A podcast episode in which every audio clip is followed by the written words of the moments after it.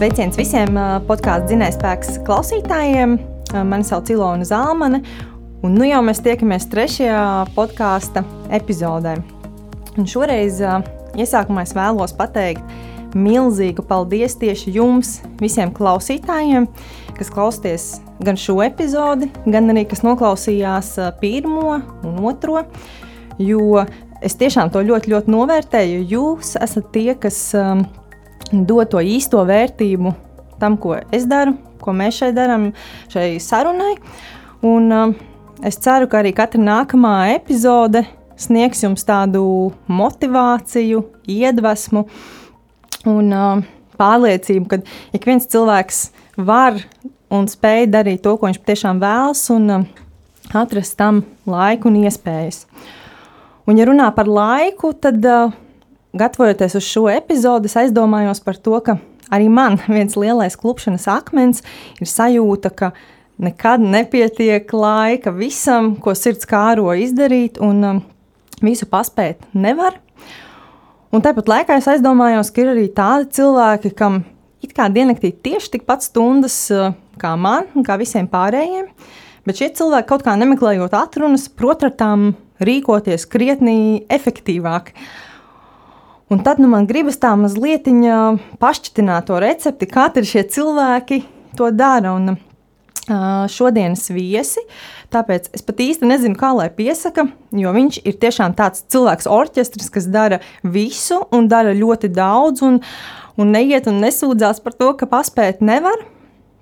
Uh, tāpēc es varbūt teikšu īsi, un tad jau par pārējo sarunas gaitā es ceru, ka viņš pats mums pastāstīs, un mēs pie tā nonāksim. Uh, Bet šodienas sarunas viesis būs sporta fotogrāfs, slēpošanas instruktors un taku skrējienu entuziasts Mareks Gaļinovskis. Uh, čau, Marek! Jā, čau visiem! Nu, klausies, uh, Marek! Kā tev pašam vispār liekas, kādas tavas domas par to, kāpēc cilvēki tik bieži saka, vai tiešām paši tā domā, ka viņiem nepietiek laika un nevar darīt to, ko vēlas, vai, piemēram, sportot tieši laika trūkumu dēļ? Kāpēc tā ir?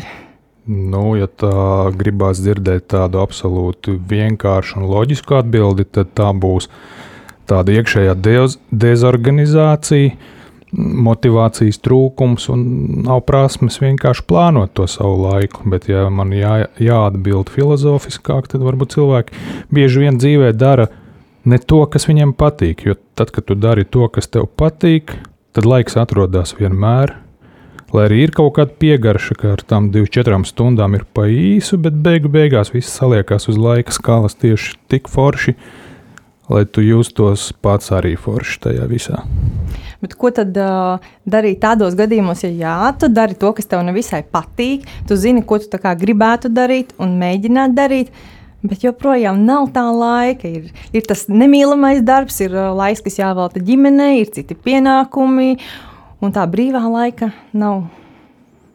Nu, Kā? jābūt drosmei sev godīgi pateikt, ka šodien, tagad un tūlīt ir tas atskaites punkts, kad es kaut ko mainīšu. Tagad, sākot ar šo brīdi. Nevis rīt, parīt, aizparīt, bet tūlīt pat. Un brīnumi notiek, ja tu pasaki to tagad un sāc to tagad darīt, tad tu pats pēc laika, dienas, nedēļas, gada, saproti, ka laika ir ļoti daudz. Jāprot ar to tikai rīkoties un, un, un nu, prasmīgi apieties, liederīgi, eh, jēgpilni. Un vai tev pašam vienmēr ir bijis tas tik vienkārši un tik dabīgi, tā laika plānošana, tā prioritāšu noteikšana, vai tev arī ir bijis kaut kāds tāds nezinu, pavērsienu punkts, kad, eh, kad tu pie tā nonāc, ka kaut kas ir jāmaina? Nē, tas tā notika harmoniski no, no, no bērna kājas. Droši vien es visu mūžu biju ar kaut ko aizņemts, aizrāvies, nodarbojies, sākās viss ar sportu. Varbūt tāpēc arī no tā sporta nekur tālu prom netieku. Jo, nu, būsim godīgi, sports, es domāju, lielā mērā izglāba man pat, nu, varbūt izklausīsies banāli un skaļi, bet izglāba man dzīvību. Jo agrā bērnībā es biju faktiski bērns ar īpašām vajadzībām, un ja es nebūtu spontāni, intuitīvi, nejauši nonācis sportā. Iespējams, ka es joprojām būtu cilvēks ar, ar, ar kaut kādām tādām mm, nevisai labām spējām. Bet, bet jā, nu, no, no, no agras bērnības es biju aizrāvies ar sportu. Un tas iemāca disciplīnu, tas iemāca plānošanu, tas iemāca uh, izvirzīt mērķus un mērķus sasniegt, un tad iet uz nākamajiem mērķiem, nepadoties un neļaut sev krist zemāk par iepriekšējo sasniegumu. Tas tā tāds trepīts, kas veidojās pašs no sevis. Jo nu, nevienam nepatīk krist atpakaļ. Un tad tu sevi visu laiku dzēni uz priekšu, augstāk, augstāk, tālāk. Un iemācies sadzīvot arī ar tā laika trūkumu. Tad es saprotu, ka tev sports tiešām ir nevis tāda vienkārši laika pavadīšana, veids, kā aizpildīt laiku, vai nezinu, kā citur nomest kaut kādu kilogramu līdz vasaras sezonai. Arī, kaut, nu, arī, bet nu, pamatā tad sports tomēr ir tāda dziļāka nozīme, ka tas ir Nu, tas noteikti dzīvesveids, kamēr es pats aktīvi sportoju. Tad tas bija viens dzīvesveids. Tagad, kad es to sporta dzīvi vairāk uh, parādu citiem, uh, caur savām reportāžām, caur savu kaut kādu dalību dažādos uh, pasākumos, palīdzot tos organizēt, promotēt un tam līdzīgi. Nu, tas ir un paliek tāpat manas dzīves nozīmīga sastāvdaļa. Es ar to dalos labprāt, es parādu, ka tas ir forši, to var darīt, to vajag darīt, un ka tas nav grūti. Jā, es tieši aizdomājos par to, ka tas ir sporta fotogrāfs un pats aktīvi sporta. Tad es domāju, tas mūžsanais jautājums par vistu nolu, kas tad bija pirmais. Um, Vai tu tā kā sāki fotografēt, un pēc tam pats pavilkies līdzi, vai vienkārši ļoti daudz un aktīvi bija iekšā sportā, un tad saprati, nu, ka loģiski tālākais solis, nu, tad varētu arī to visu fotografēt. Bet tad es saprotu, ka tas sports jau ir bijis tev no bērnības, un, un tā fotografēšana kaut kad vēlāk nāca klāt. Man nāca klāt, tā interese par fotografiju bija arī sen, arī agrā bērnībā, bet pat cik uh, nebija tādas iespējas tikt pie fototehnikas un iemācīties tajā vecumā, tad es vienkārši smēlos kaut kādu iedvesmu no draugiem un, pieredzi no tiem, ka, kas to darīja jau to laiku, kam, kam bija tādas iespējas. Nu, tad es nedaudz no tā ietekmējos un pienāca brīdis, kad es to pats varēju realizēt. Tagad... Tas nebija ne pateicoties sportam, tā bija tāda iekšējā sajūta, ka man tas patīk, es to gribu darīt. Tad, kad es to pamēģināju, sapratu, ka ne tikai patīk, bet arī sanāk. Ne tikai sanāk, bet es arī gatavs uh, mācīties, attīstīties un, un, un iet kaut kādu konkrētu ceļu šajā lauciņā. Un, nu jā, nu tā tā fotoštēle sāk attīstīties, bet sevi kā sporta fotogrāfu es ne sākumā, ne tagad tā baigi negribētu asociēt, jo tikpat labi es bildēju daudz citus žanrus. Mm, tieši šobrīd notiek man izstāde Siguldā, kur ir, kur ir tikai ainava, nu, kas, kas iemūžināta no gaisa baloniem. Gaisa baloni atkal ir viena tāda sfēra, kas man aizrāva pirms, pirms kaut kāda laika, un, un, un tā spēcīgi aizrāva.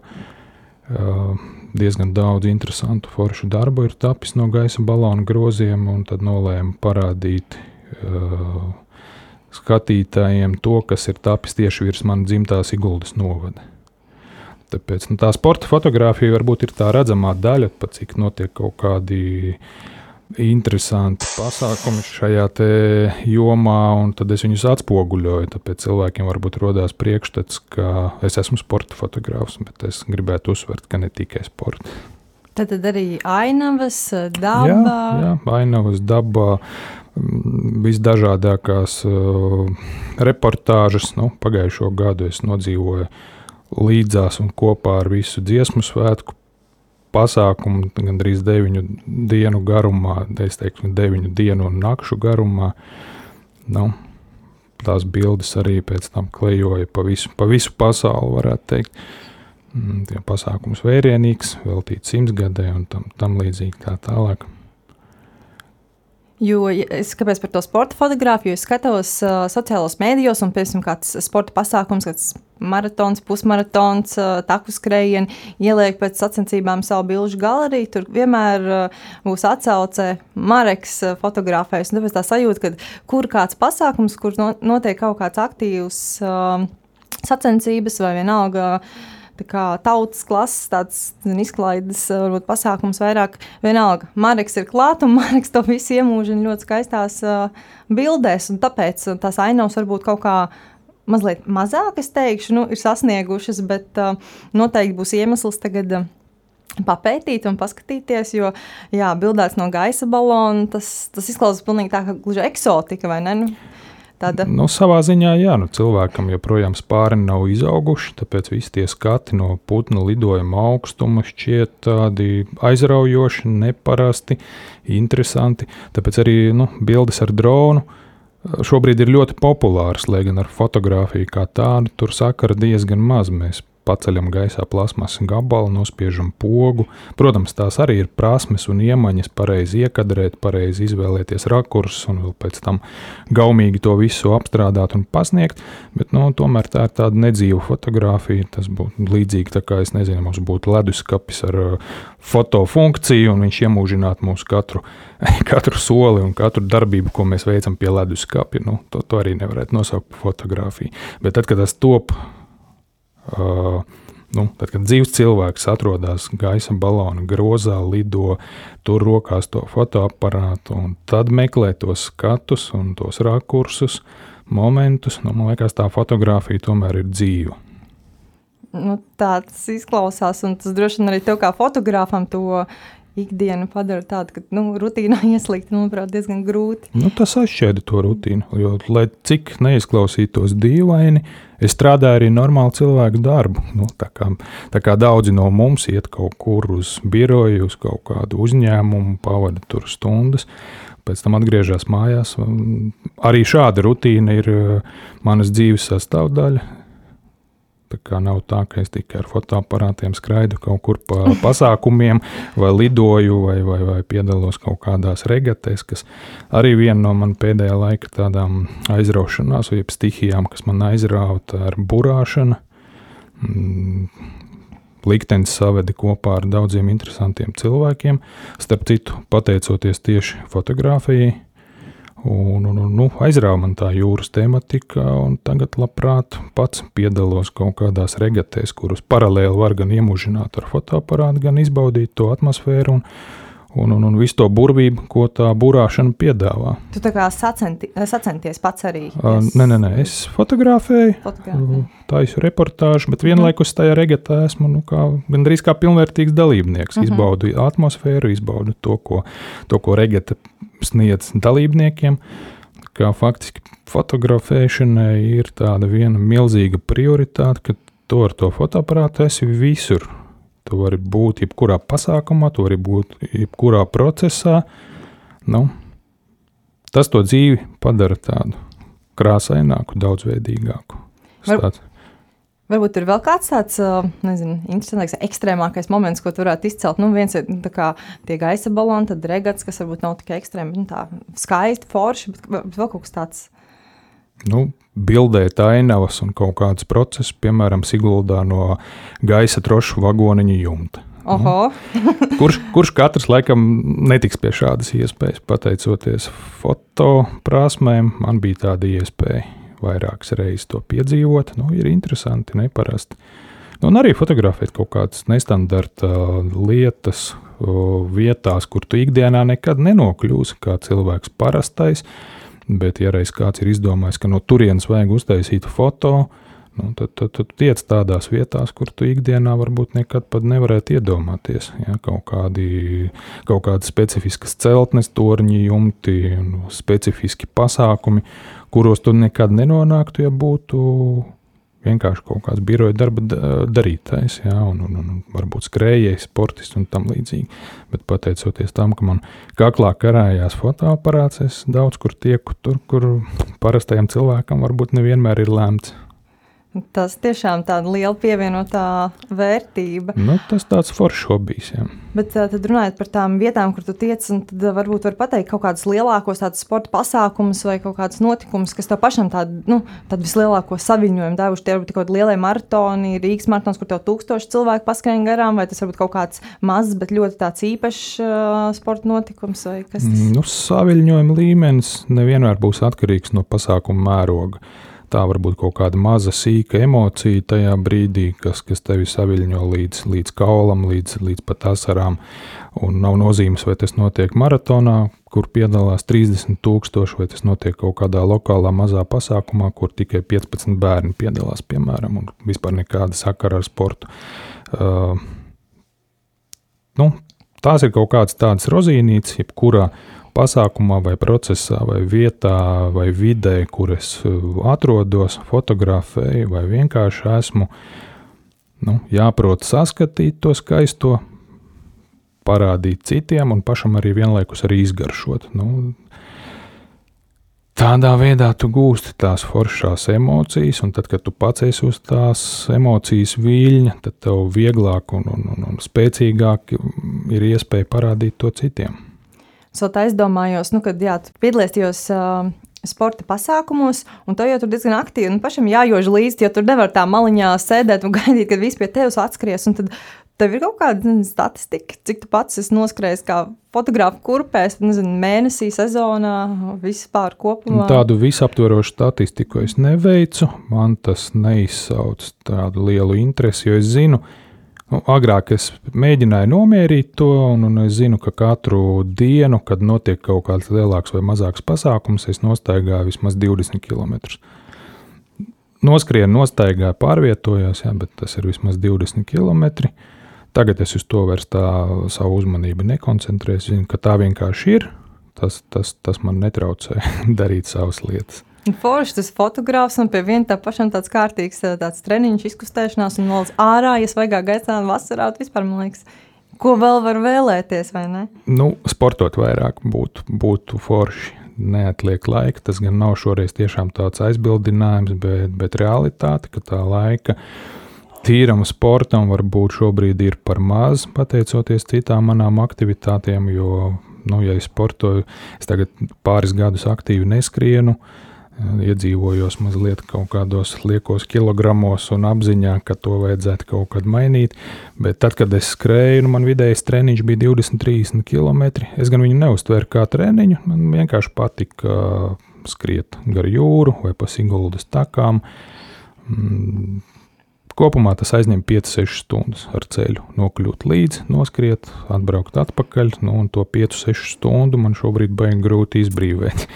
Es paskatos savā kalendārā, ka man tuvākā brīvā diena ir 24. augusts.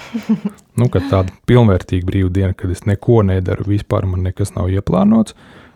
Nu, tad, tad tās 5-6 stundas šeit ir diezgan kritiski. Redz, Marek, citi cilvēki saka, ka nevar atrast to pusstundu, lai, um, lai nezinu, uztaisītu pietupienus, bet tev jau tas ir tā, jā, 5-6 stundas atrast, nu, tā Tā nu gan vairs nav joka lieta, bet, ja tu treniņos skrien 20 līdz 30 km, tad tā uzreiz rodas jautājums, un tu pats arī aktīvi piedalījies sacensībās, to es zinu. Tad kas varbūt ir tāds nezinu, garākais gabals, ko tu esi pieveicis uh, sacensību ietveros?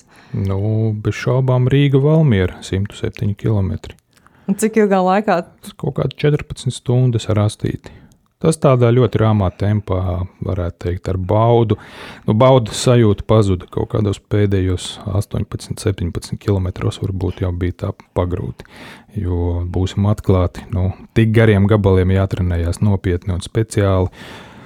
Tos var paveikt, protams, uz rakstura bāzes un, un, un, un, un tā, bet lai tas nenodarītu kaitējumu veselībai un būtu bez kaut kādām nepatīkamām sekām, tad tomēr es ieteiktu neeksperimentēt ar šādiem gabaliem. Pusmaratons, maratons, jā, cilvēkam, kas ikdienā ir visnotaļ fiziski aktīvs, tas, tas varbūt ir, ja mēs neskrienam uz rezultātu, bet mums mērķis vienkārši pieveikt distanci un nav svarīgi ar kādu rezultātu, komfortablā tempā, tad to var darīt. Bet tādus ekstrēmus pasākums, kā simts un vairāk kilometri, es tomēr ne, ne, neieteiktu ņemt par piemēru.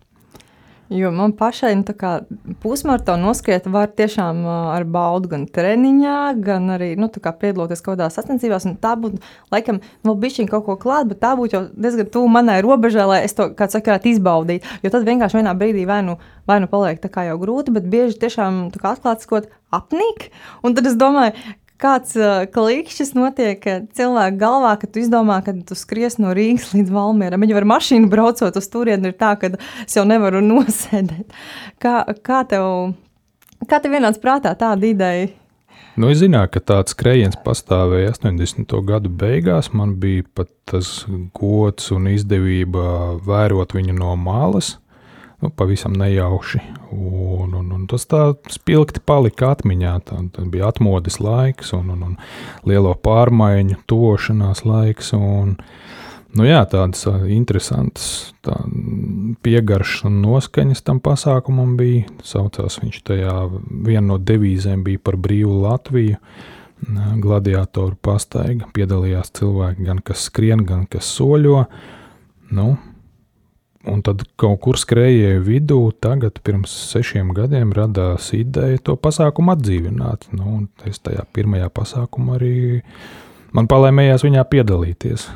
Gan, gan paralēli vēl kaut ko pafotografēt ar nelielu kameru skrienot, gan, gan pašam pieveikt to distanci. Nu, tas bija tāds iekšējs kaut kāds, es nezinu, mazs nere, nerealizēts sapnīts, bet nu, ar savu stāstu, ar savu kaut kādu tādu īpašu piegaršu. Nu, to vienkārši gribējās izbaudīt. Ne tāpēc, lai pierādītu tos kilometrus sev un to distanci, tam absolūti nekādas nozīmes, bet tieši pasākuma kā tāda dēļ.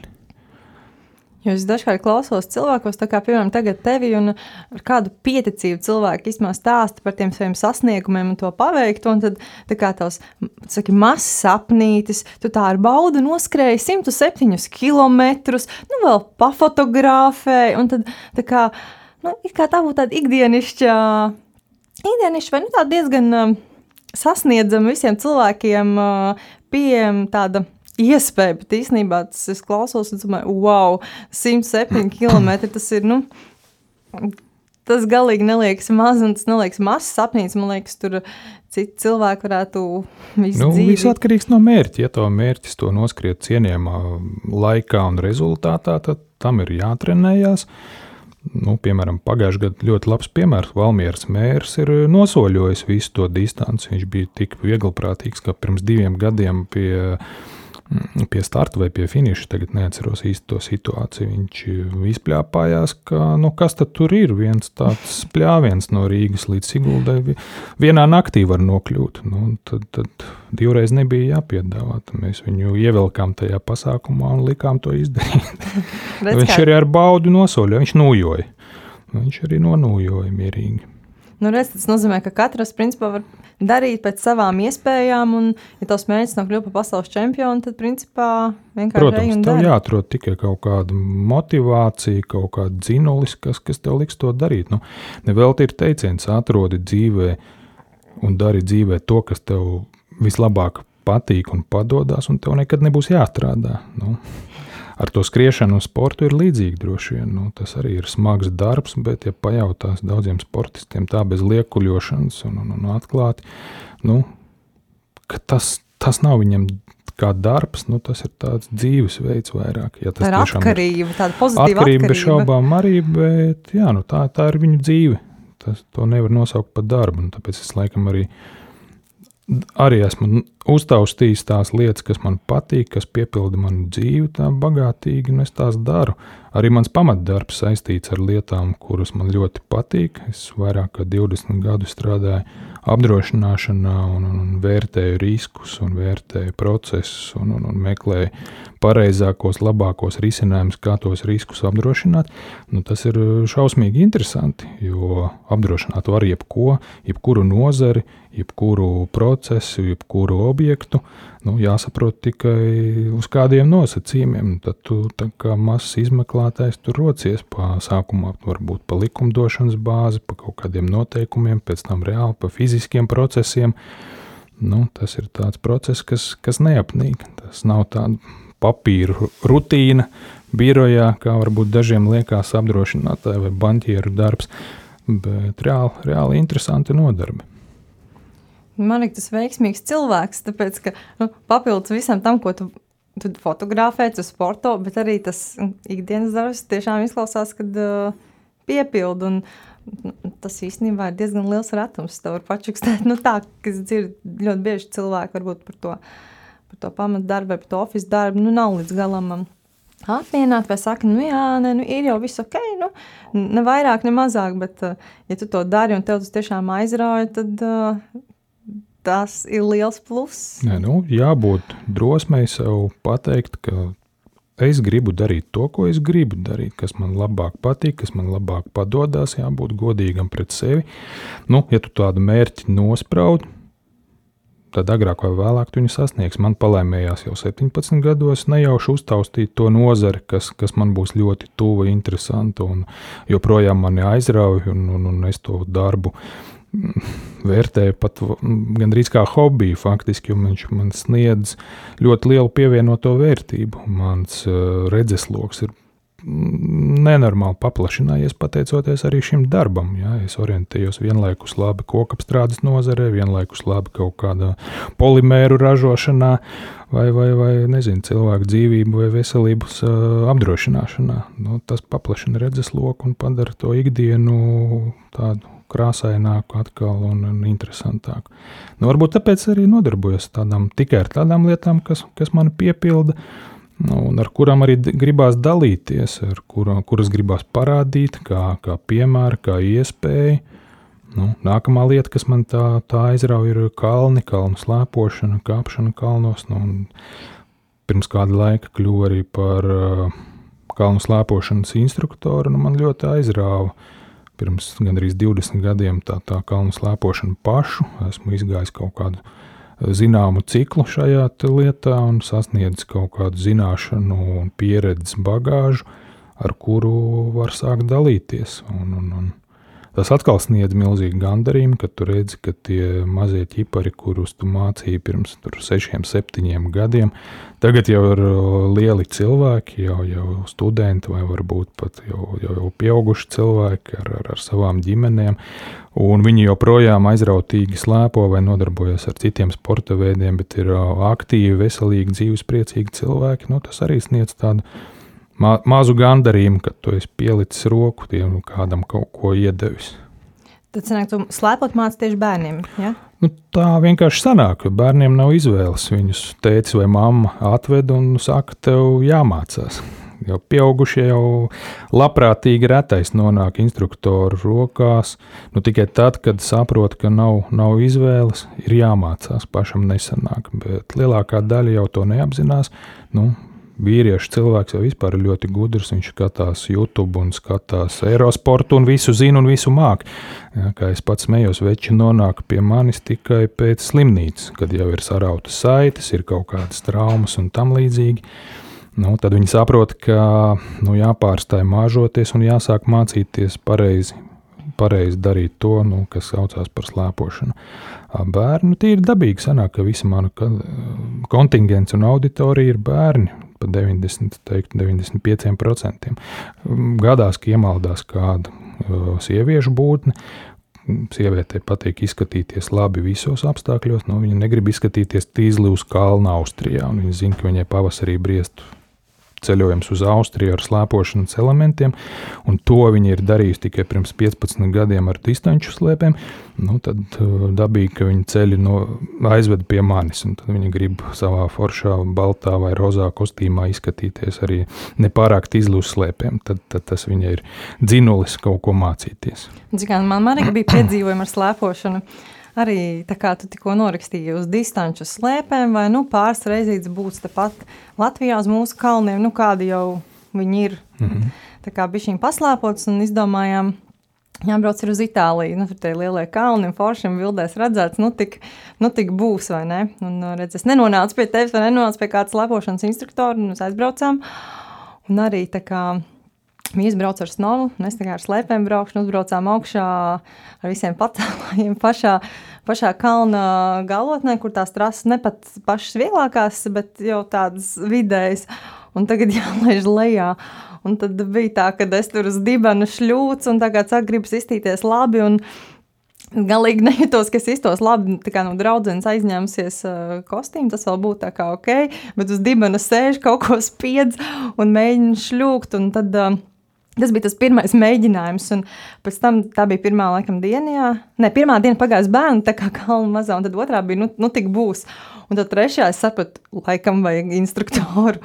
Un um, paņemot instruktoru, tiešām pavisam cita tā sajūta, kad iemācās to tehniku, parāda, ka tas nav tik. Um, biedējoši. Es saprotu, ka daudz kas tiešām ir galvā, bet tas instruktors nu, kaut kā palīdzās lietas. Jā, nu, viņš parāda elementāras Jā. lietas, kuras apgūstot, tu vari tikt lejā pietiekami droši, kontrolētā nobraucienā. Tu mācīsi nobremzēt, apstāties, uztaisīt elementārus kaut kādus eh, pagrieziena elementus. Nu, tad tas brauciens jau kļūst tāds kontrolējams un puslīdz drošs. Tad, kad uz kalna parādās cilvēks, kurš tikai pašmācības ceļā to ir apguvis, nu, tad tā ir milzīga loterija. Ko viņš ir un kā viņš ir saskatījies kaut kur, ko viņš ir izpratis un, un, un kā viņš to izpilda uz kalna. Nu, tad tā ir loterija gan pašam, gan apkārtējiem. Tāpēc es visiem silti iesaku, ja, ja reiz ir tāda doma to, to stēli apgūt, nu, viena, divas vizītes pie instruktora nekaitēs pirmkārt jūsu drošības labad vai jūsu bērnu drošības labad, jo iemācīsies tiešām pamata elementus, tādus, ar kuriem varēs visu mūžu slēpot. Protams, tu neizskatīsies tik eleganti kā, nezinu, Hermans Maiers, bet lejā tiks pietiekami droši un bez kaut kādām sāpīgām sakām. Ne uz dibena, tā kā es. ne uz dibena, ne uz mutes, ne tam līdzīgi. Nu jā, tāpēc arī savu stāstu stāstīju. Varbūt vienkārši lai kāds cits, ja viņš ir līdzīgās domās par sevi un savām, savām spējām, bez, bez atbilstošas apmācības, varbūt tomēr um, ir vērts iepriekš uh, satikties ar kādu skalnu, kādu profesionālu, nu, varbūt ar tevi. Jā, bišķiņ, bišķiņ tomēr kaut vai nu, drusciņi apgūtās uh, pamatlietas, lai, lai nesanāk kā man. Bet, um, jā, tu pats esi no Siguldas. Tev patīk uh, tas ziemas uh, sporti. Varbūt kaut kā tur meklējums tas. Uh, Tas pirmsākums, ka esi kaut kad sen atpakaļ tur ar kamaniņām braucis vai kaut kas tāds? Nu, jā, dzīves audis Siguldā. Visu mūžu pie sāniem bija gan kalnu slēpošanas uh, pasākums, gan kamaniņu braukšana un, un, un bobslējas. Uh, Nu, teiksim, runājot par kalnu slēpošanu, vispār nu, tā ir tāda absurda situācija, ka es uzaugu 200 metrus no pilsētas kalna, un man tajā laikā nu, nemūžam neienāk doma prātā, ka es kādreiz pats slēpošu. Man tas neaizrāva un likās ļoti garlaicīgi. Nu, tie bija 80. gadi. Slēpes bija pavisam savādāks nekā tagad. Garas, taisnas slēpošanas tehnika arī izskatījās gaužām dīvaini, neaizraujoši. Vienīgais, kas varbūt man aizrauja, bija freestyle, kas attīstījās 80. gadu vidū, un pat uh, Padomju Savienības čempionāts notika Siguldā. Nu, Tur, tur es vēl gāju skatīties ar kaut kādu lielāku interesi un baudu, bet slēpošana kā tāda man neaizrāva. Toties uh, nedaudz vēlāk man ļoti aizrāva kamaniņu braukšana. Nokļūt tur arī salīdzinoši nejauši. Skolā ieraudzīju sludinājumu, ka tiek meklēti jauni audzēkņi. Uh, pamēģināt trenēties kamaniņu braukšanā. Protams, pirmie treniņi notika tikai zālē, ne jau trasē. Uh, vienkārši fiziskie treniņi, tā teikt, pārbaudīja vispār, ko, ko tas bērns spēj, ko viņš var, vai viņam vispār mm, var izraisīt kaut mazāko interesi šāda nodarbe. Un, un jā, uz pirmo treniņu es no mājām aizmuku. Cik jā, es jau ieminējos, pieminēju, ka man ar veselību nebija viss tā gaužām kārtībā. Nu, vecāki izdzirdot manas vēlmes, ka iet uz kaut kādiem tur kamaniņu braukšanas treniņiem, protams, bija kategoriski pret. Nu, es aizmuku pa balkonu durvīm uz pirmo treniņu. Un, un, un, nu jā, un tā tā stēle man iepatikās, un pilnvērtīgas septiņas sezonas arī notrenējos tur līdz pat Latvijas junioru izlasēji. Nu, tad pabeidzu skolas gaitas un bija jāizvēlās starp izglītību, karjeru un sportu. Tie bija 90. gadu sākums, juku laiki. Un, un, un, Nu, tāds nevisai foršs fons sportošanai, pilnīgā, pilnīgā tādā, nu, tā sports bija pabērna lomā bez nekāda finansējuma un atbalsta. Nu, tad ir praktisku apsvērumu dēļ nācās izvēlēties citus ceļus, bet jā, nu, tas sportiņš palika dvēselē un sirdī ļoti dziļi un, un joprojām nekur vaļā no tā netieku. stāsti, ka tev vecāki gribēja tev tā kā droši vien pamatot apsvērumu, te savulaik tā kā pasargāt, eh, es tā saprotu, nu visticamāk, nu tā kā labu domu vadīt un nepalaist uz to treniņus, kur tu aizlaidies. Nu jā, pie tam tas nebija kaut kāds tur, es nezinu, viegla atletika jā. vai, vai nu, tāds ne, nekontaktu sporta veids, kur ir mazāk varbūtība iedzīvoties traumās un, un lielās slodzēs. Uh, Bet tas ir kamaniņa sports, kur diezgan liela varbūtība gūt kaut kādas traumas, gan treniņa procesā, trasē, gan ārpus. Nu, Protams, ka vecāki gribēja pasargāt, zinot manu slimību vēsturi. Es jau pats smējos, ka man poliklinikā reģistratūrā mana kārtiņa bija divreiz biezāka nekā vidusmēra pensionāram. Nu, savos kaut kādos Jā. 10, 11 gados. Nu, nu, tādu, tādu likteni man, man piespēlēja, ko, ko darīt. Bet pateicoties sportam, jā, es no tā visa veiksmīgi teikt, tiku vaļā gan, gan, gan fiziski, gan mentāli. Nu, pateicoties sportam, esmu tas, kas esmu tagad. Un savai neatlaidībai noteikti. Jo, um, arī, liekas, ka, arī sportiņš iemāca daudz ko. Neatlaidība ir viens no. Nu, tu, tu iemācies nospraust mērķi un uz to mērķi iet. Jo nu, nekas pats, ar, pats no sevis nenotiek. Tas ir viens. Otrs, nu, kamaniņa braukšana ir tāda specifika, ka jebkurā sportā jābūt, protams, kaut kādai psiholoģiskai, morālai noturībai, bet kamaniņa sports to prasa divu tik lielā mērā. Uh, Jo tu tur faktiski esi viens pats ar visiem riskiem. Tu, kamanas un tavas prasmes pret uh, ledus rēni, pret ātrumu, kas bieži vien pārsniedz 100-120 km/h. Nu, viss ir tavās rokās. Cik daudz tu esi iemācījies, cik daudz tu esi satrenējies, cik daudz tu proti un, un, un vēlies tikt ar to visu galā. Kamanām nav bremžu, kamanām nav stūres, nu, tikai tu pats un, un ledus rēni.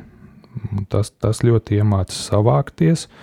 Nu, pateicoties sportam, es jau vairāk kārt esmu pieminējis, ka man nepiemeklē tādas lielas mandrāžas, kaut kādas kā pirms atbildīgiem pasākumiem, tur pirms eksāmeniem vai vēl kaut kā. Nu, nu, varbūt pirms publiskas uzstāšanās tā ir tāds dabīgs, dabīgs stresiņš, bet visādi, visādi citādi. Nu, tu saproti, ka tu vari izdarīt to, ko tu vari izdarīt, un stresot par to, ko tu nevari izdarīt, nav, nav vērts kā sports iedod tādu ļoti, ļoti lielu uh, morālo noturību un, un, un ticību sev, saviem spēkiem.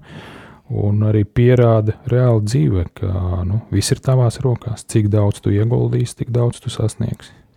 Un kā tev ģimenē, tavu bērnu, droši vien arī pavalkās līdzi tavu piemēru un tavu darīšanu. Un tu pats jau viņus arī diezgan aktīvi virzījās. Nu, es viņus ļoti daudz kur centos savulaik iesaistīt, kamēr viņi bija pavisam maziņi. Jo nu, bērns, mans uzskats, ka bērns līdz kaut kādiem 4, 5, 6 gadiem viņš kā kā personība, tu, tu viņu vari nu, kā plastilīnu mīcīt, viņš veidojās. Pēc tam viņš tikai faktiski ir sekas tam, ko tu esi izveidojis līdz tiem sešiem gadiem.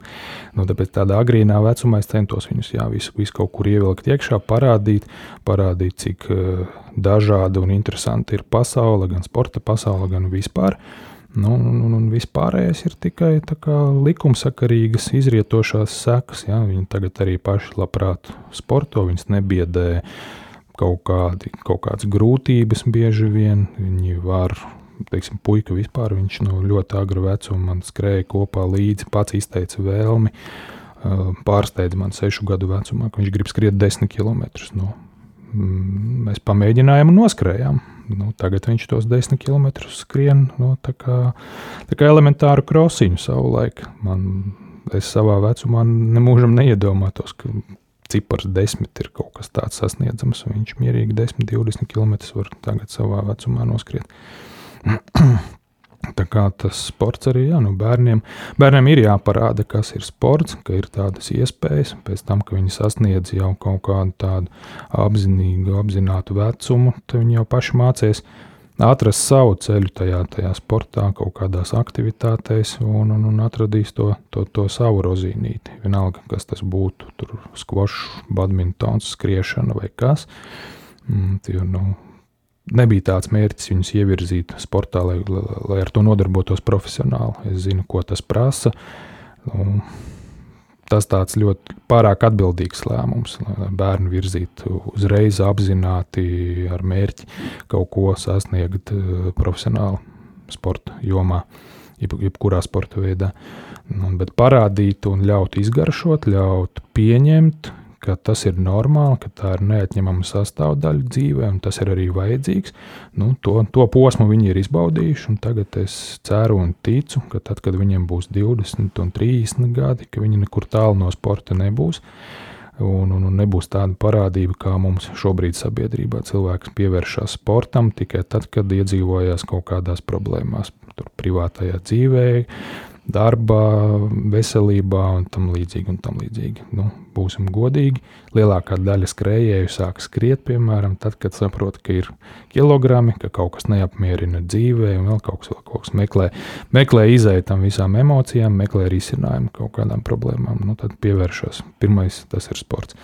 Nu, es ceru un ticu, ka ar maniem bērniem tas tā nenotiks, jo sports viņiem būs paralēli dzīvē tagad jau visu laiku, kaut kādās izpausmēs, kaut kādos veidos.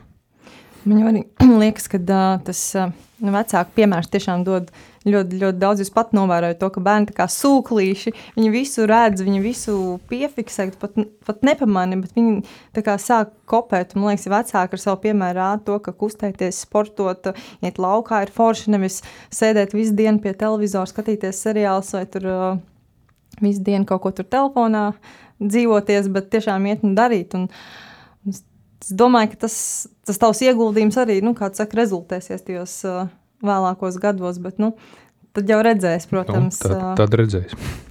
Un par to, ka cilvēki pievērš sportam tās problēmas, nu jā, protams, droši vien tas nav tas sliktākais veids, kā risināt. Nu, tu saproti, ka kaut kas ir jādara un tu sāc uh, sportot un nu, kustēties. Tas tevi mobilizē. Jā. Jā. Tu saproti, ka nu, tālāk jau vairs nav kur. Tu uz trešo stāvu nevari bez atduses uzkāpt. Un, un, un, un tu saproti, ka tu savu laiku bieži vien pavadi neliederīgi iznieko un tam līdzīgi. Un tad tu meklē alternatīvu, nu, kā to labot. Un sports ir viena no, no tādām foršākajām alternatīvām, kā to savu laiku jēgpilni piepildīt un vēl pie tām uzlabot veselību. Un sports ir vien, nu, diezgan plašs iespējas apvienot sportu ar tādu, piemēram, brīvdienu izklaidi. Tagad, piemēram, tie taku skrējieni, stirnu buks, kur tu arī aktīvi paviesojies vienmēr katrā posmā. Un tā droši vien ir tāda laba iespēja gan būt dabā, gan redzēt kaut ko skaistu, foršu, gan arī kustēties? Nu, par to es tikai priecīgs, ja, ka sports ir kļuvis par modes lietu. Protams, es nevienmēr esmu priecīgs, ka tā mode varbūt nevienmēr uh, saistās ar kaut kādu kvalitāti. Ja, ja cilvēks sāk sportot vai nodarboties ar kaut ko bez tādas nopietnas izpratnes, un ja viņi vēl nokļūst pie neprofesionāliem padomdevējiem, tad bieži vien var arī nodarīt sev kaut kādu kaitējumu. Ja, tāpēc es vienmēr cilvēkiem iesaku apsvērt nopietni, nopietnāk pieiet eh, tai domai, pievērsties kaut kādam sporta veidam, jebkas, lai arī kas tas būtu, un jā, meklēt padomus pie, pie lietpratējiem, pie profesionāļiem. Nu, nu, tad tā mode kļūst jā, nu, tāda jēgpilna, pilnvērtīga un, un, un samazinās risks nodarīt sev pāri ar to. Tas tāpat kā ar uzturu. Nu, šobrīd modē ir nu, tā tēma ir ļoti aktuāla. Jā, uzturs, uzturs, uzturs, pilns Instagram, pilns Facebook ar visu kaut ko.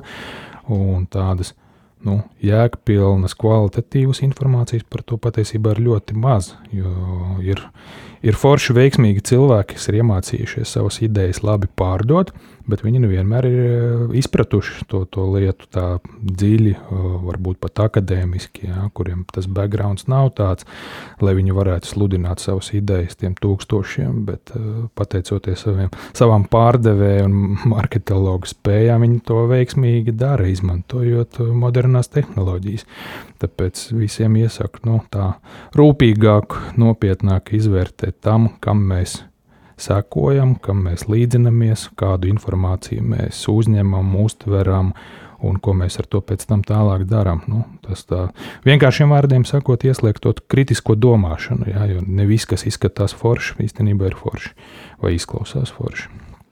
Tur es tev pilnībā piekrist, jo gan, saka, gan uzturs, gan sports, nu, informācijas ir daudz un ļoti viegli to visu parādīt tā tādā nu, ticamā, Jā, foršā gaismā. gaismā Un, un cilvēkus to pavēlkā. Saku, no vienas puses, es esmu priecīgs, ka sports ir tik ļoti populārs pateicoties uh, arī sporta zīmoliem. Nu, Viss tā skrēšanas epopeja sākās droši vien visticamāk pasaulē tad, kad uh, lielie apavu un sporta apģērbu ražotāji izdomāja, ka viņiem vajag uh, populācijai iepotēt ideju, ka skriet un sportot ir forši. Nu, viņi to izdarīja prasmīgi, skrien visa pasaule, ja, maratona bums joprojām nepāriet.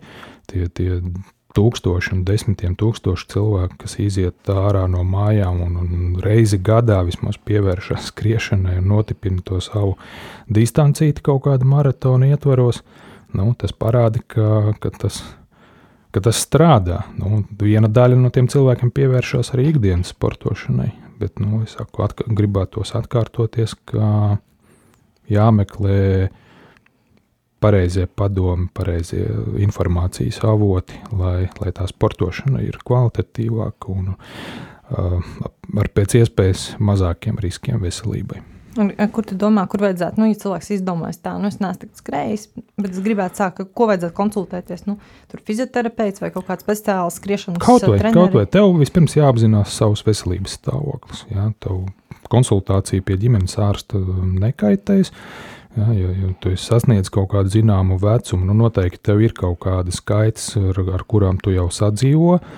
Un, nu, tad vajag saprast, ja, ar, ar kādām nodarbēm tu vari nodarīt sev pāri, ar kādām nodarbēm gluži otrādi tu vari uzlabot savu veselību un savu stāvokli.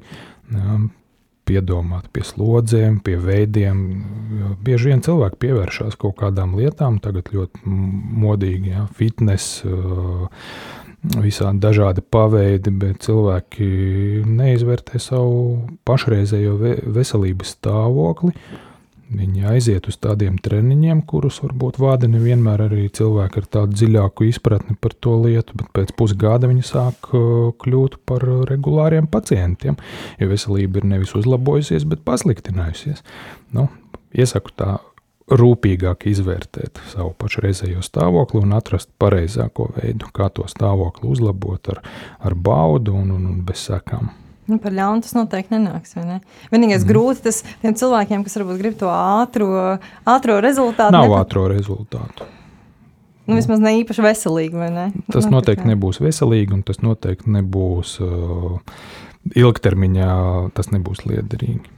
Tad, principā, iesaku to sportošanu, to veselīgo dzīvesveidu, skatīties kā vairāk kā uz tādu Ļoti maratonu, ka tu, tu lēnām, bet virzies, patstāvīgi virzies uz to savu mērķi. Pakāpeniski nevis, nevis un visaptveroši. Jā, pakāpeniski visaptveroši.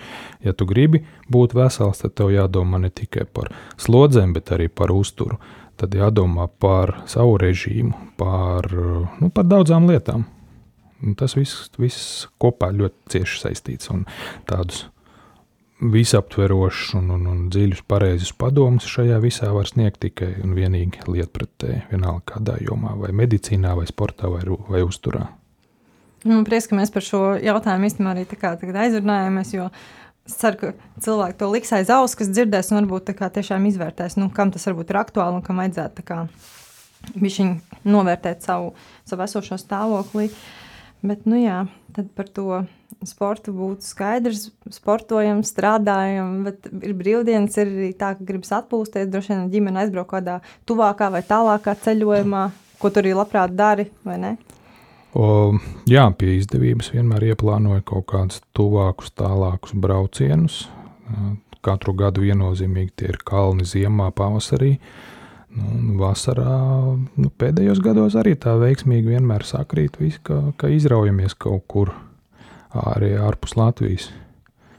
Bet es neesmu tāds ceļotājs, kas, kas grib par katru cenu visu apskatīt. Nu, man ir kaut kādi zināmi virzieni, uz kuriem man, man velk, nu, velk uz kalniem. Vienalga, vai tā būtu vasara vai ziema, vai tie būtu Alpi, Austrijā, Itālijā vai, vai Slovenijā. Nu, uz turieni man viennozīmīgi velk. Man velk uz vidusjūras piekrastēm. Nu, Man noteikti nevelk uz kaut kādām eksotiskām zemēm tikai tāpēc, lai ievilktu ķeksi savā CV, ka es tur esmu pabijis. Nu, ja es tam nejūtu tādu iekšējo aicinājumu tur pabūt, un es nejūtu, nu, vismaz kaut kā intuitīvi, ka man tur būtu interesanti. Nu, es labāk trīs reizes aizbraucu uz Budapeštu vai Vīnu, kur es zinu, taču man, man būs interesanti. Man patīk tās pilsētas, man patīk tā vide, patīk arhitektūra, patīk virtuve. Ļoti daudz kas patīk, un tad es labāk trīs reizes uz turieni aizbraucu, nekā vienreiz ķeksim uz kaut, ko, uz kaut kādu citādāku galamērķi. Pa Latviju jau tur arī krustašķērs nu, Latvija ir izbraukāta visa, bet uh, joprojām neapnīk, jo Nu, mainās, mainās, transformējās tā vide, attīstās novadi, pagasti, un tur, kur tu esi bijis pirms 15, 20 gadiem, tu atkal vari to vietu atklāt no jauna, un tev var pārsteigt, kā, kā tā vieta un kā tā vide izmainījās. Nu, tālu nav jāmeklē piemēri. Tas pats Iguldis novads, ja mēs pavērojam, kā 20 gadu laikā viņš ir mainījies, transformējies, kā ir attīstījies jēgpilni un kāda ir nu, strateģiski un, un, un kādi ir plāni nākotnē, tad tu saproti, ka nu, tas nav vienīgais piemērs. Ar tikpat lielu mm, nu, saka, in, interesi to var apciemot citus novadus, kurzemē un, un latgalē un pavērot, kā, kā tie attīstās. Un, un ir jau arī ko redzēt, tīri no kaut kāda kultūra vēsturiska aspekta. Un, un, un arī no kaut kādām lietām, kas ir radušās un tapušas tagad, mūsdienās, pēdējos, pēdējās desmitgadēs, un varbūt pat pēdējos gados. Un tāpēc tā ceļošana pa Latviju principā nekad neapnīk. Jo man jau liekas, ka ceļošanā jau ne jau tieši tas galamērķis, kā, cik tālums varbūt ir tas izšķirošais, bet tas, ko tev pašam gribās no šī ceļojuma, kā, ko tu gribi sasniegt vai ko tu gribi izbaudīt. Un, un, un bieži vien tiešām tas var būt labāk aizbraukt brīvdienās, biežāk tepat kaut kur. Uh, Latvijā vai ne? Nekā, nu, vai Latvijā vai Baltijā. Jā. Nu, Nekā vienreiz gadā kaut kur aizbraucu, visam pārējo gadu. Nu, katram sēd, savs. Ne? Es nevaru par citiem apgalvot, jā. bet, bet jā, la, pa Latviju braukāt man patīk. Gan pateicoties tam, ka es daudz braucu kaut kur piedalīties pasākumos, fotografēt tos un tam līdzīgi. Sanāk ļoti daudz pārvietoties pa Latviju, daudz, daudz redzēt un, un forši arī gadu no gada salīdzināt. Ja tev, piemēram, ir kaut kāds ikgadējs pasākums Daugavpilī, Reizeknē vai Liepājā nu, katru gadu tu tur atbrauc tā pasākuma kontekstā un, un vēro, kā mainās tā vide, kā mainās uh, pilsēta, kā mainās pat arhitektūra. Varbūt.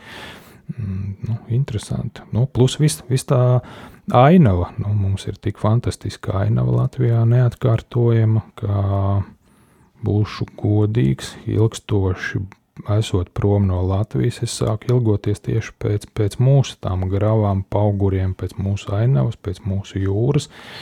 Jā, jo tie, tie skati, kas ir citur, viņi ir forši, bet pēc četrām, piecām dienām viņi faktiski jau sāk apnikt. Tev, tev gribās to, to mūsu ainavu. Un mūsu ainava ir smuka visos gadalaikos. Daudz, daudz ārzemnieki tieši izsaka komplimentu par to, ka mēs dzīvojam šeit, Latvijā. Un, un saka, kad atbraucu uz Latviju, bija pārsteigts, cik, cik fantastiski jums ir zeme, cik fantastiski smuka daba. Un jums ir palaimējies ļoti, ka jums ir tādi izteikti četri gada laiki, ko nu, daudz citi nemaz nepiedzīvo. Ja? Centrāla Eiropā un, un, un kaut kur dienvidos. Uh, Nu, cilvēki dzīvo vai nu mūžīgā vasarā, vai kaut kur starp vasaru, rudeni un pavasari, un to, to ziemu kārtīgi neredz. Un tā vasara līdz ar to viņiem arī nu, kā, nu, atrofējās. Mēs vasaru uztveram kā vasaru, rudeni kā rudeni, un katrā gada laikā savs kaut kāds šarms, sava, sava rozīnīte. Nu, tas arī piešķir dzīvei tādu, tādu foršu dzirkstelīti, varētu teikt. Es pat esmu kaut kur lasījis vai dzirdējis pētījumi, nemaldos par to, ka nu, tā gada laika maiņa pozitīvi iedarbojas uz cilvēku to noteikti, mentālo veselību. Noteikti. Kad, kad ārzemēs liekas, ka oh, visu gadu vasarā nu, baigi forši, bet īstenībā diezgan bieži cilvēki ir diezgan depresīvi, tāpēc ka viņiem cilvēku dabā ir vajadzība pēc šīm pārmaiņām un pēc tā cikliskuma. Nē, nu, tas, tas tevi sapurina. Ja? Tas, tas cikliskums eh, katru reizi tevi sapurina. Tev mainās ikdiena, tev mainās kaut kādas lietas ikdienā, tev mainās paradumi līdz ar uh, gada laiku maiņām.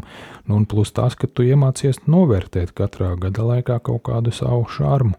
Vienīgais, nu, varbūt mīnus šajā visā, ka mums Latvijā pietrūkst saulaino dienu. Nu, to es esmu novērojis gan Mm, vairāk nu, uz citu cilvēku piemēru. Nu, nu, saulīt vajadzētu vairāk mums. D vitamīna analīze par to liecina. Vair, vairāk prieka dzīvē. Būt. Jā. jo, jo to saulaino dienu mums ir par maz, un tas cilvēks nomāca. Un, un, un, kad cilvēks neprot to tik galā ar savu nomāktību, nu, tad tas atstāja ļoti ātri atstāja diezgan negatīvas sekas uz, uz ikdienu.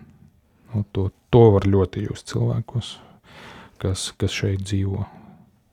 Nu, par to tavu aktīvo dzīvesveidu es tā domāju, nu, laika miegam droši vien tam vajag daudz. Nav, arī tu tā ļoti māki ieplānot visu, kad sanāk arī izgulēties, bet tā, nu, viena lieta tu uzlādējies Latvijas dabā, vai ne, pie tās ainavas, bet... Dabā, cilvēkos, procesos, pasākumos. Nu, jo vairāk tajā visā tu esi iekšā, jo vairāk tu dod citiem, parādi emocijas, rādi emocijas, jo vairāk saņem atpakaļ. Bet kur tu pats tas... gūsti tādu mieru, varbūt nu, līdzsvaram tīri? Tā ir pašā dabā, bez šaubām. Nu, vēl viena man liela aizraušanās ir pirts. Pirti pie izdevības es katru nedēļu eju pirti.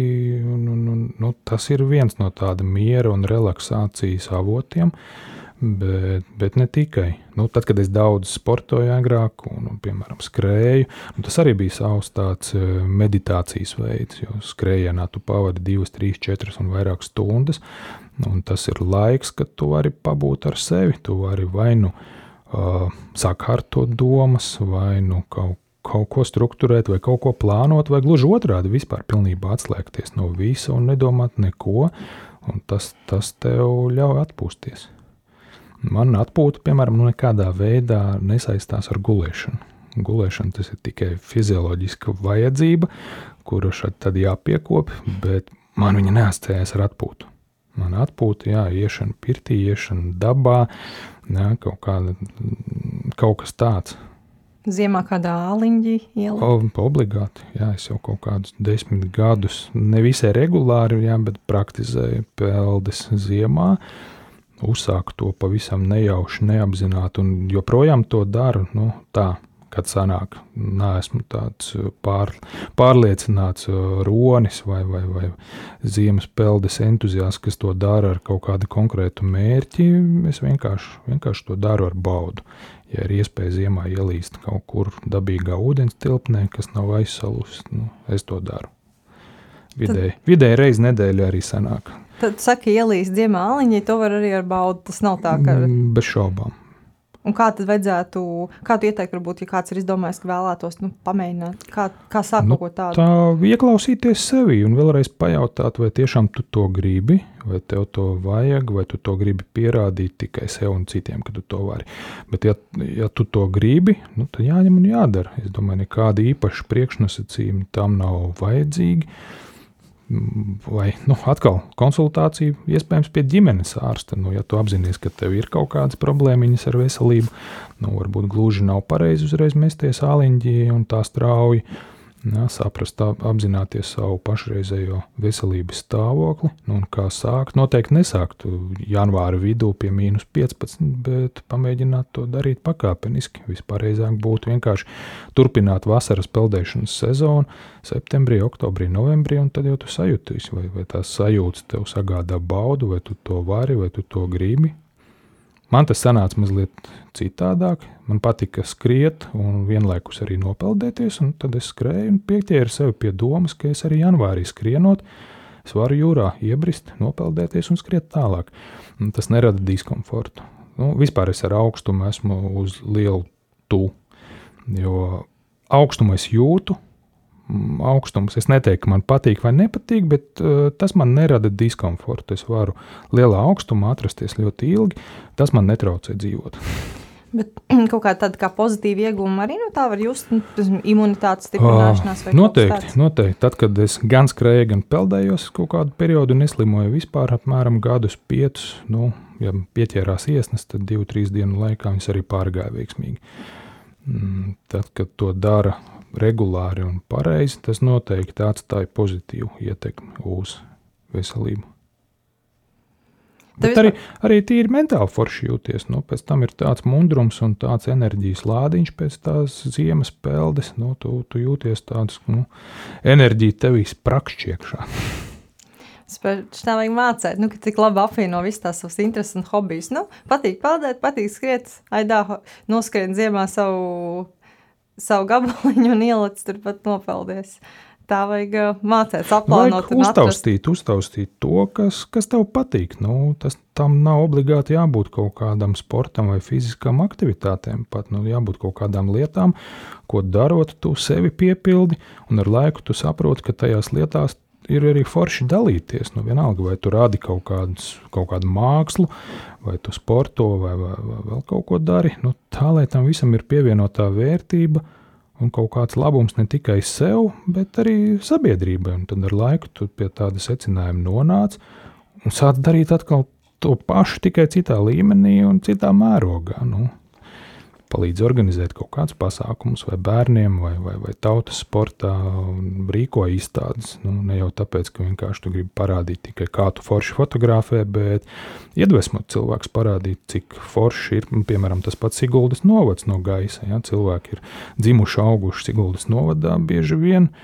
Mm, nu, viņi nenovērtē patiesībā to unikālu skaistumu, kas, kas mums tur ir. Tā gaujas senlei un tā neatkārtojama ainava, kas tev ikdienā visu laiku tur kaut kur pie sāna ir. Bet tu viņu aizmirsti novērtēt, un tad, kad ieraugi izstādē šādus darbus, pasaku sev pats, wow, bet patiesībā mēs dzīvojam trakot skaistā pasaulē. nu, tad Saku, darot lietas, kas tev patīk, kurās tu esi ar sirdi un dvēseli iekšā uz visiem 150%, ar laiku tu nonāc tādā stadijā, ka tev ar tām gribās dalīties ar visiem. Nu, tad atpakaļ nāk enerģija. Nu, redz, tā es nonācu līdz šīm dzinējspēku sarunām, un arī kaut kā iekšā kur tas, sēdēja vēlme. Tas dzinējspēks rodās, jā. jā. Dodot, dodot, dodot, tas, tas nāk atpakaļ.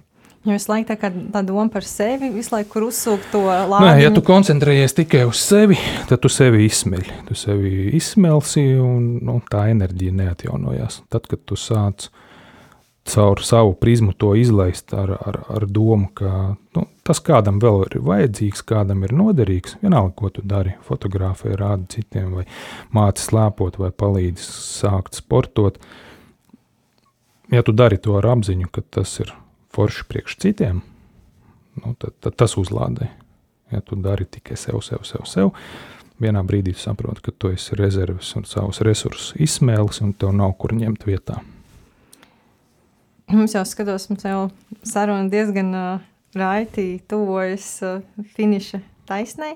Bet vēl beigās gribēju tev pajautāt tādu lietu, nu, tu jau minēji, piemēram, ka tev bija tāds mazais mērķis noskriet Rīgu Valmieru un vēl šādi tādi mērķi, gan lieli, gan mazi, ko tas īstenojas, bet uh, varbūt ir kādi tavi nākotnes sapņi vai mērķi, ar kuriem tu būtu gatavs tā kā skaļāk padalīties, bet um, Uz ko tu pats tiecies šobrīd? Vienalga, vai kā fotogrāfs, vai kā slēpošanas instruktors, vai apdrošināšanas jomā, vai vienkārši tu kā Mareks pats personīgi. Nu, Baigi grūti nodefinēt. Katru dienu tu izvirzi kaut kādus mazākus, lielākus mērķus un, un, un, un uz tiem virzies. Nu, kā fotogrāfam man būtu liels uh, izaicinājums un pagodinājums fotografēt Olimpiskās spēles. Mums ir diezgan lielas iespējas Latvijā pašiem piedzīvot Olimpiādi. Ziemas Olimpiādi 2026. gadā tieši pēc desmit dienām izšķirsies Siguldas un, un, un Stokholmas liktenis, vai mēs uzņemsim Ziemas Olimpiskās spēles pie sevis vai nē. Sekošu noteikti 24. datumā, sekošu līdzi online balsošanas rezultātiem. Nu, gribētos, lai, lai, lai tas dzimtais novads un dzimtā pilsēta mm, ar savu vārdu izskan atkal un atkal spēcīgi visā pasaulē. Jo, nu, būsim godīgi, daudz, daudz pazīstami siguldieši. Tie, tieši sporta jomā ir tos iguldas vārdu nesuši pasaulē ar, ar, ar tādu lielu vērienu, ja, bet nu, olimpiādi ir olimpiādi. Otras tādas izdevības droši vien nebūs vairs nekad. Nu, tāpēc arī no savas puses pielieku diezgan lielas pūles uh, lai, lai, lai, lai kaut kādā mērā to procesu varbūt pavirzītu uz priekšu un, un parādīt kaut vai, kaut vai tepat uz vietas latviešiem, ka tas, tas nav nemaz tik slikti. Daudz jautā, o, kurš par to maksās. Nu, protams, ka mēs maksāsim, bet, bet tas labums, ko mēs no tā gūsim, nav izmērams nekādā naudā, ne, nekādās skalās, jo patiesībā nu, Sigulda kā pilsēta, protams, iegūs arī, arī finansiāli, bet tas, kādā veidā un cik, cik spēcīgi mūsu vārds izskanēs uh, plašajā pasaules sporta arēnā, un ne tikai sporta arēnā, un kādas tam būs konsekvences, nu, tur nav jābūt akadēmiķiem, lai iztēloties, kādas tam var būt pozitīvas sekas. Nu, es no visas sirds kā, turēšu īkšķus, lai izdodas par to. Nu, tas jau runājam par mērķiem. Nu, tas jā. nav mans personīgais mērķis, bet, ja, ja mums būs Olimpiskās spēles novadīt, es būšu ļoti gandarīts, ka es varu pielikt savu roku tā, tā, tā procesa, tā teikt, vir, virzībai un, un, un, un piedalīties arī kā vairs ne kā sportists, bet kā, kā organizatoru pārstāvis. Citās jomās mērķi, nu, nu, ir visādi. Nu, gan, gan ģimenes dzīvē ir savi mērķi kaut kādi, un tā, nu, droši vien ar tiem es publiski nedalīšos. Bet bez mērķiem nevar dzīvot. Ja, ja jūs dzīvojat tā tekoši tikai, tikai šodien un visu, nu, jums ātri tā dzīve kļūst par rutīnu, neinteresantu, garlaicīgu, pelēcīgu. Tad, tad, tad, tad sāk parādīties kaut kādas lietas, nezinu sekas gan, gan veselībā, gan, gan vispār. Izvirziet sev mērķus, mazos mērķus, ar kuriem soļot ikdienā, dienu no dienas, un lielos mērķus, uz ko tiekties dzīvē, nu tā globāli.